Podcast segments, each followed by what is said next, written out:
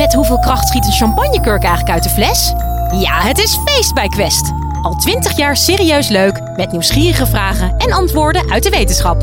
Zo maken we Nederland elke dag een stukje slimmer. Nu in de winkel en op quest.nl. Hey, pst. Weet je wat ik hoorde? Op een borrel van een Universiteit van Nederland. Ja joh, ik stond daar met de buren te praten. En die vertelden dus die hele redactie. Ja joh, die zit daar gewoon de helft van de week dronken te werken. Ja, ik wist niet wat ik hoorde. Nee, dit slaat natuurlijk nergens op, hè? Dat begrijp je zeker wel. Maar via via komen de raarste roddels de wereld in. Organisatiewetenschapper Bianca Beersma van de Vrije Universiteit Amsterdam weet alles over roddelen. Tenminste, wetenschappelijk gezien dan, hè? Maar eh, Bianca, even eerlijk. Roddel jij ook? Uh, ja, ik moet toegeven dat ik ook wel roddel, inderdaad. Wij hebben in ons onderzoeksproject naar roddelen hanteren we ook een hele brede definitie van het begrip roddelen. En zeggen we roddelen is eigenlijk altijd als je informatie geeft over iemand die niet bij het gesprek aanwezig is aan iemand anders. En uh, dan moet ik zeker zeggen dat ik dat zelf ook doe. Dat roddelen hoeft niet per se slecht te zijn. Bianca vertelt je hoe dat zit.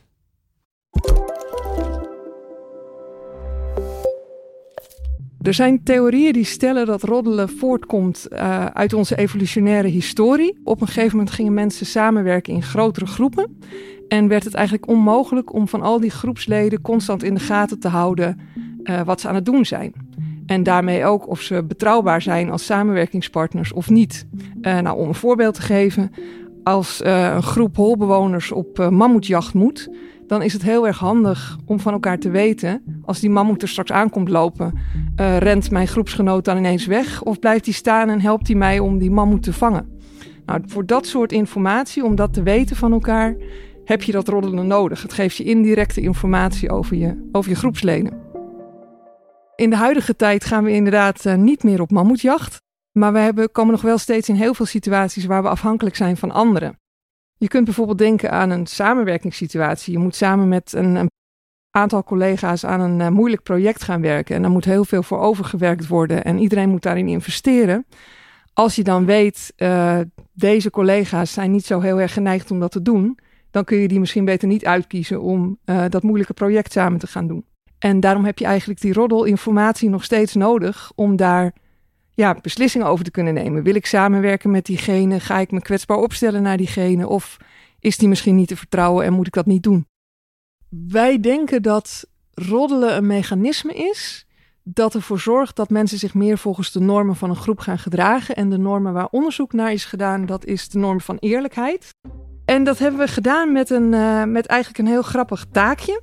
Dat is een taakje waarbij proefpersonen rollen met een dobbelsteen en ze zien alleen maar zelf wat ze gerold hebben. Maar tegelijkertijd zeggen we tegen ze: als je hogere ogen gooit met die dobbelsteen, dan kun je meer verdienen in het experiment. Dus um, als je ene gooit, dan is dat heel weinig geld waard. Twee is een beetje meer waard, drie nog meer. En tenslotte een zes gooien, dat levert je het meeste op. Die proefpersonen die gooien in hun eentje met die dobbelsteen. En die weten dus alleen maar wat ze zelf gegooid hebben. En het wordt dan heel aantrekkelijk voor ze, heel verleidelijk om te gaan liegen. Uh, het grappige van dit taakje is dat wij eigenlijk zelf niet weten wie er gelogen heeft of wie de waarheid heeft verteld wat betreft de scores die ze rapporteren. Maar we weten wel dat een dobbelsteen gemiddeld op drie moet uitkomen. Dus over heel veel proefpersonen heen weten we dat als die scores afwijken van drie, dan weten we dat proefpersonen hebben zitten liegen. We hebben proefpersonen laten meedoen aan dat experiment in drie verschillende situaties, drie verschillende condities. In de eerste conditie zeiden we: uh, je mag 30 keer rollen met die dobbelsteen en dan moet je opschrijven wat je elke keer gegooid hebt.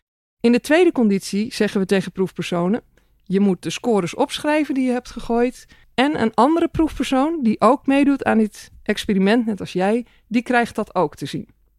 En dan hebben we een derde conditie waar we tegen proefpersonen zeggen: je schrijft je scores op een andere proefpersoon ziet hij, maar die andere proefpersoon kan over jou informatie geven aan weer iemand anders. En diegene die die informatie ontvangt, die gaat dan met jou samenwerken in een ander taakje. Dus die derde conditie is eigenlijk onze roddelconditie. Nou, wat vinden we nou in dat experiment? Uh, we zien dat geobserveerd worden door een andere proefpersoon op zich dat dat er niet voor zorgt dat mensen eerlijker zijn. En we zien dat ehm, de mogelijkheid dat er over je geroddeld wordt, dat zorgt er wel voor dat mensen eerlijker zijn. Wat wij eraan interessant vinden is, in die theorie die ik noemde, werd gezegd dat roddelen is ontstaan zodat we indirecte informatie kunnen geven over onze groepsleden. En in deze studie zien we dat die mensen die die roddel kunnen sturen naar iemand anders, dat ze inderdaad informatie geven die het karakter heeft. Deze persoon bedriegt de boel, vertrouw hem vooral niet.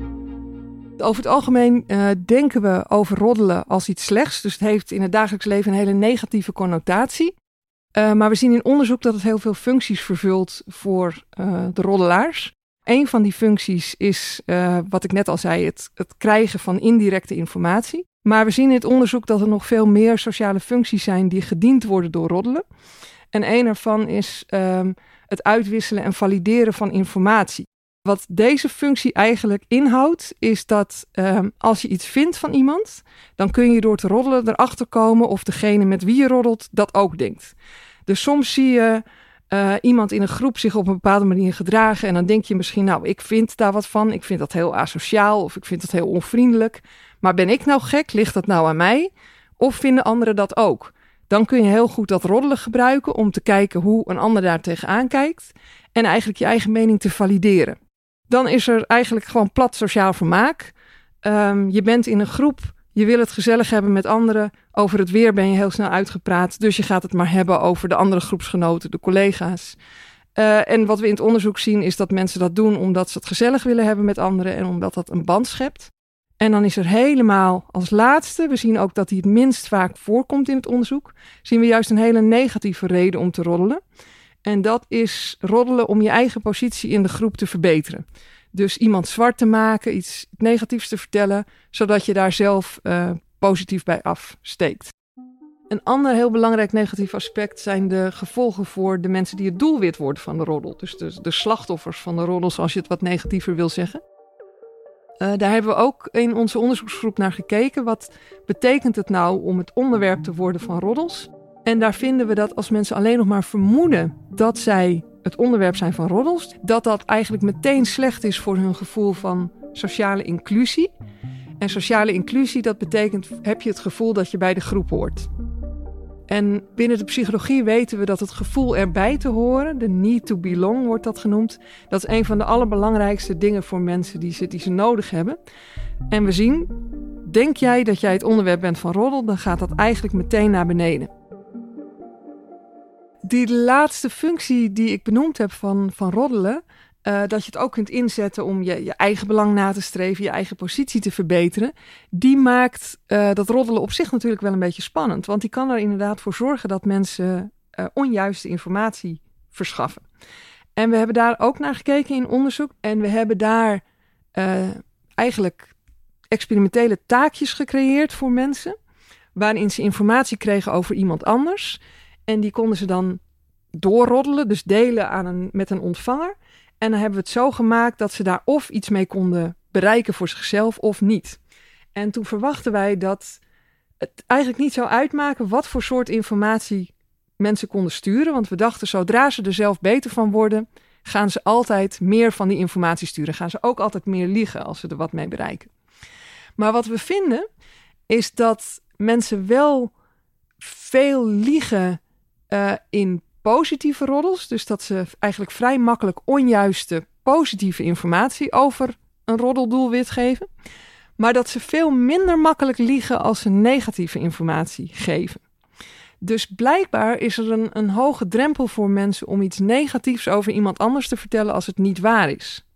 En nou, je zou je af kunnen vragen: wanneer, wanneer is dit nou van toepassing? Nou, denk bijvoorbeeld aan een, uh, een collega die gaat solliciteren bij iemand anders in een ander bedrijf en jij kent diegene. En diegene vraagt jou: uh, moet ik diegene aannemen? Maar jij mag je collega heel graag en je weet dat hij misschien niet altijd heel goed presteert, maar je, wil, je gunt hem heel erg die baan. Dan zou je misschien heel makkelijk positief kunnen gaan roddelen en informatie geven die niet waar is. En het omgekeerde, uh, dus een negatieve roddel over iemand verspreiden om er zelf beter van te worden, dat zien we veel minder. Ja, wij waren eigenlijk verbaasd in eerste instantie, omdat we, we hadden ook als hypotheses dat het zowel bij de negatieve roddels als bij de positieve roddels, dat gaan mensen allebei meer doen als ze er beet van kunnen worden. Bleek niet zo te zijn, is alleen maar bij de positieve roddels. En achteraf dachten we toen, zoals zo vaak het geval is, ja, misschien begrijpen we dat ook wel een beetje. Want inderdaad, negatieve informatie geven over iemand anders, terwijl dat niet klopt, dat is wel heel pijnlijk. En bij die positieve informatie zou je nog kunnen zeggen: Nou, het was een leugentje om bestwil. Ik wilde hem of haar een beetje helpen. Uh, dus roddelen heeft heel veel positieve functionele kanten, maar het heeft ook negatieve kanten. En ik denk dat zo'n genuanceerd beeld veel nuttiger is als je na wilt gaan denken over de manier waarmee je ermee om moet gaan. Want zou je denken dat het alleen maar negatief was, dan zou je zeggen: we willen er vanaf. Zou je zeggen dat alleen maar positief is, dan zou je het willen koesteren. En dan ga je eigenlijk voorbij aan al die negatieve effecten op de mensen die doelwit worden van roddelen. En zo'n genuanceerder beeld geeft veel betere aanknopingspunten voor wat je ermee zou kunnen doen. Je kunt als ontvanger, als je goed nadenkt, kun je wel degelijk onderscheid maken tussen hele vervelende roddels die bedoeld zijn om iemand zwart te maken en naar beneden te halen. Of roddels die uh, bedoeld zijn om informatie te valideren of misschien een norm van een groep aan de orde te stellen. En dat zou eigenlijk ook mijn advies zijn aan organisaties waarin geroddeld wordt. Zorg er nou voor dat de ontvangers kritische consumenten worden en nadenken waarom vertelt iemand mij dit? Heeft hij daar een heel sociale reden voor? Of doet hij dat eigenlijk alleen maar voor zichzelf? Of is het hier gewoon alleen maar voor sociaal vermaken? Moeten we dat wel willen? Dankjewel Bianca. En wil je nog meer wetenschap in je oren? Abonneer je dan even op ons kanaal. Vinden we leuk.